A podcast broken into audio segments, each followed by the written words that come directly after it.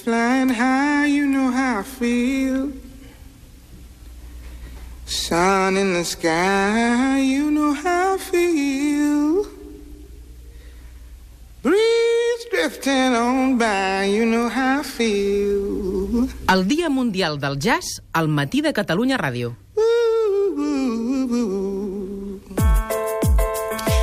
Que li agrada el jazz a Xavier Sala Martín? Bon dia. Hola, bon dia. Què t'agrada el jazz? Bé, està, no és de les músiques que m'agrada més, però, però està bé.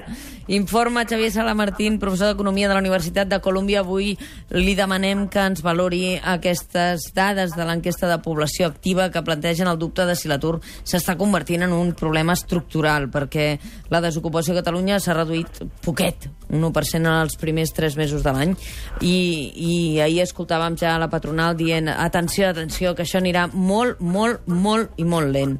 Està estancada la creació d'ocupació, senyor Sala i Martín?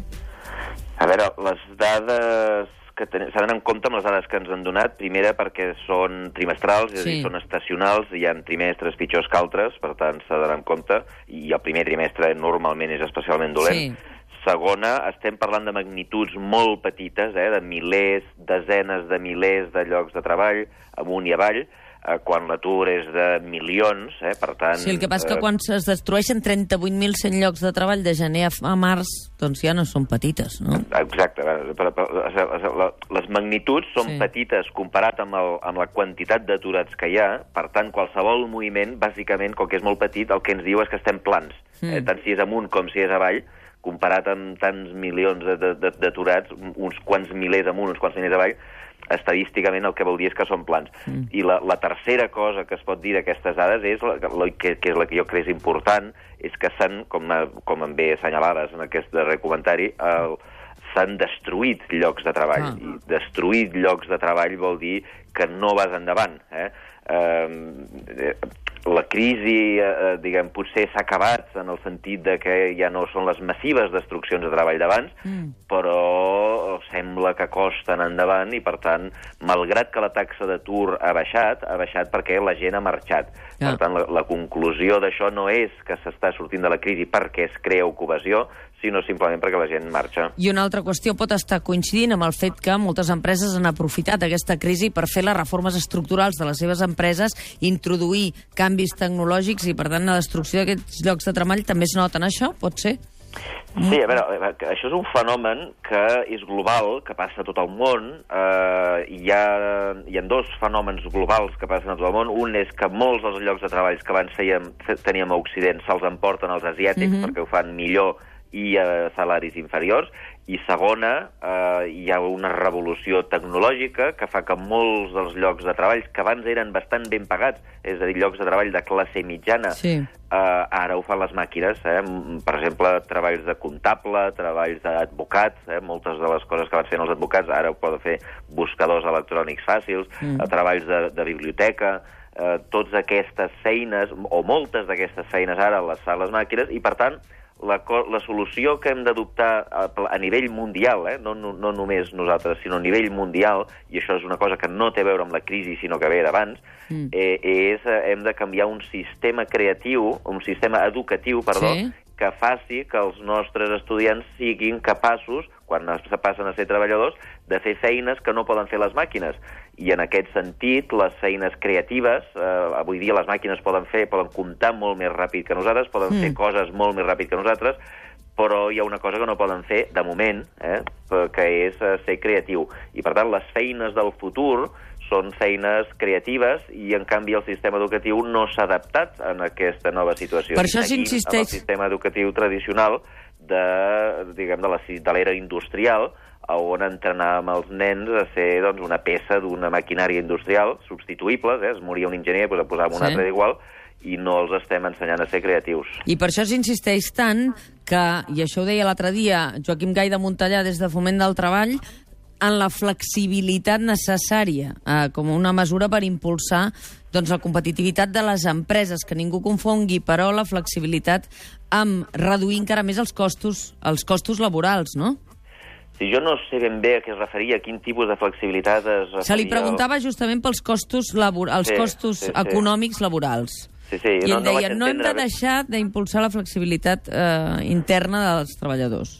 Sí, a veure, flexibilitat pot, pot voler dir moltes coses, eh? eh? Pot voler dir flexibilitat a l'hora de contractar i acomiadar, és a dir, una flexibilitat legal, o pot voler dir una flexibilitat productiva, és a dir, que els treballadors han de ser capaços de fer moltes més tasques, tasques diferents, tasques noves, tasques innovadores que abans no havien de fer. Mm. Uh, per tant, uh, si es refereix a la primera, jo no crec que anem en la bona direcció.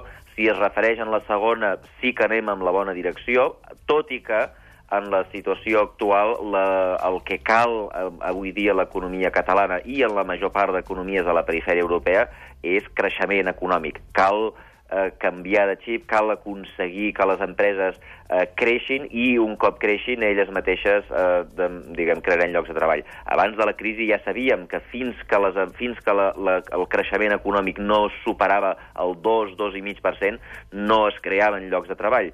Fixa't que eh, s'han destruït llocs de treball, l'economia comença a créixer, però no està creixent ni de bon tros a la vora del 2,5%. Per tant, fins que això no passi, ja podem parlar de flexibilitat i de coses que no, no es crearà ocupació al ritme necessari que es necessita per absorbir tota aquesta massiva quantitat de gent aturada. I esperava especialment eh, l'informe Sala Martín d'aquesta setmana perquè eh, vam escoltar fa uns dies la presidenta del Círculo de Empresarios de Madrid, Mònica de Oriol, que proposava pagar per sota del salari mínim interprofessional als treballadors que no puguin acreditar cap formació. Literalment, li recordo, deia Tenemos un millón de personas así y un salario mínimo que te obliga a pagarles aunque no valgan para nada. No podemos homogeneizar un mercado que no és homogèneo. L'endemà va demanar disculpes, però va dir que se l'havia mal interpretat, i etc etc. Però aquestes declaracions, què li semblen, tenint en compte que el salari mínim interprofessional que es paga aquí està molt per sota d'altres països europeus, entre els quals Luxemburg, on és de 1.800 euros, no?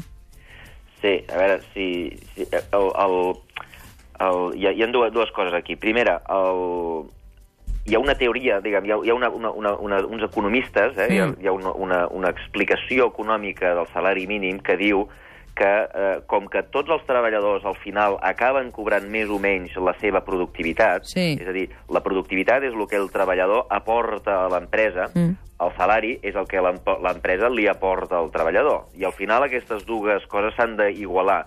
Si el treballador aporta menys a l'empresa del que l'empresa li paga, òbviament l'empresa no li interessa contractar aquest treballador i o bé l'acomia o acomiada, acomiada o bé ja ni el contracta.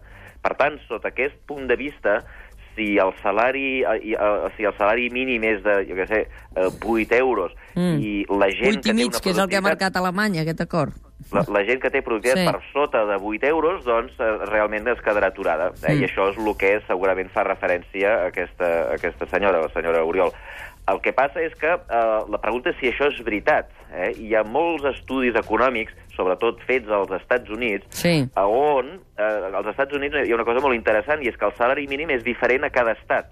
Eh? Ah, en el seu conjunt i de mitjana em sembla que volta els 970 euros, no? De mitjana? Eh, o... bueno, sí, però és que cada, cada estat, Cada estat té el seu, per Cada entendre'ns. estat té el seu. Llavors, clar, hi ha estats eh, que, que, són, que tenen frontera. Eh? Per exemple, Pensilvània i Maryland tenen frontera. I aleshores els estudis el que fan és anar, van a les, a les empreses que paguen salari mínim, que Sí. normalment són els McDonald's, eh? les, les empreses d'hamburgueseria, les hamburgueseries, diguem, barates, Mm. eh, i miren les, les hamburgueseries, els, els McDonald's que estan a la frontera entre Pensilvània i Maryland, i miren si les que estan en el costat que tenen un salari mínim més alt, doncs eh, contracten menys gent que les que tenen el salari una mica més, més, més baix. Eh? Mm. És a dir, eh, eh, miren si aquesta teoria de la senyora Oriol és, és veritat. I la, la conclusió sistemàticament i curiosament pels economistes és que no és veritat. És a dir, que quan tu puges el salari mínim no és veritat que pugi l'atur. No és veritat que hi hagi tota aquesta constel·lació de gent que es queda a l'atur si hem de fer cas del que passa en aquests, eh, en, en, en aquests estats. Per tant, eh, no, no, no, diguem, la, la, la, la seguretat, eh, Sí. per dir-ho d'una manera, la seguretat amb la que parlava, per seguretat per no dir mala educació, Sí. eh, la seguretat amb la que parlava la senyora Oriol no eh, té el suport dels estudis acadèmics, eh? i per tant jo d'ella no, no faria... No s'aventuraria a fer aquests judicis. I una última pregunta i molt breu. Uh, ens trobem que aquí tenim salari mínim in- interprofessional, a la República Txeca també, a Hongria, Romania, Bulgària, per exemple, i a Luxemburg, que ara ho esmentàvem, a Holanda, però hi ha països que no n'hi ha. A Dinamarca, Itàlia, Àustria... A la zona euro hi hauria d'haver un salari mínim interprofessional comú, com hi ha política fiscal, com hi ha política bancària, com intentem que hi hagi una certa unitat a tot l'àmbit econòmic? Bé, que, diguem, la resposta similar que a la que he dit abans, diguem, el salari mínim no, no, no, crea, no és el que determina la quantitat d'ocupació. Per tant, la, la, jo crec que el problema de l'atur a Espanya, eh, que és un atur catastròfic, que per tercera vegada des de que ha començat la democràcia l'atur passa per sota, per Sí. sota del 25%, aquest problema estructural greu no és un problema de salari mínim. Això no s'arreglarà ni amb salaris mínims més alts, ni amb salaris mínims més baixos, ni amb salaris mínims iguals que la resta de la Unió Europea. Aquí cal fer, diguem, cal fer reformes radicals del sistema econòmic en general. Uh -huh. uh, I, diguem, jugar amb el salari mínim uh, doncs, uh, doncs farà que hi hagi gent que faci declaracions més més maleducades, més ben educades, però no crec que la solució passi pel salari mínim. Xavier Sala i Martín, professor de la Universitat de Colúmbia, li agraïm una vegada més l'informe que cada 15 dies ens fa aquí al Matí de Catalunya Ràdio avui i cada dia que tingui un bon dia, avui especialment. Mm, gràcies, igualment, especialment.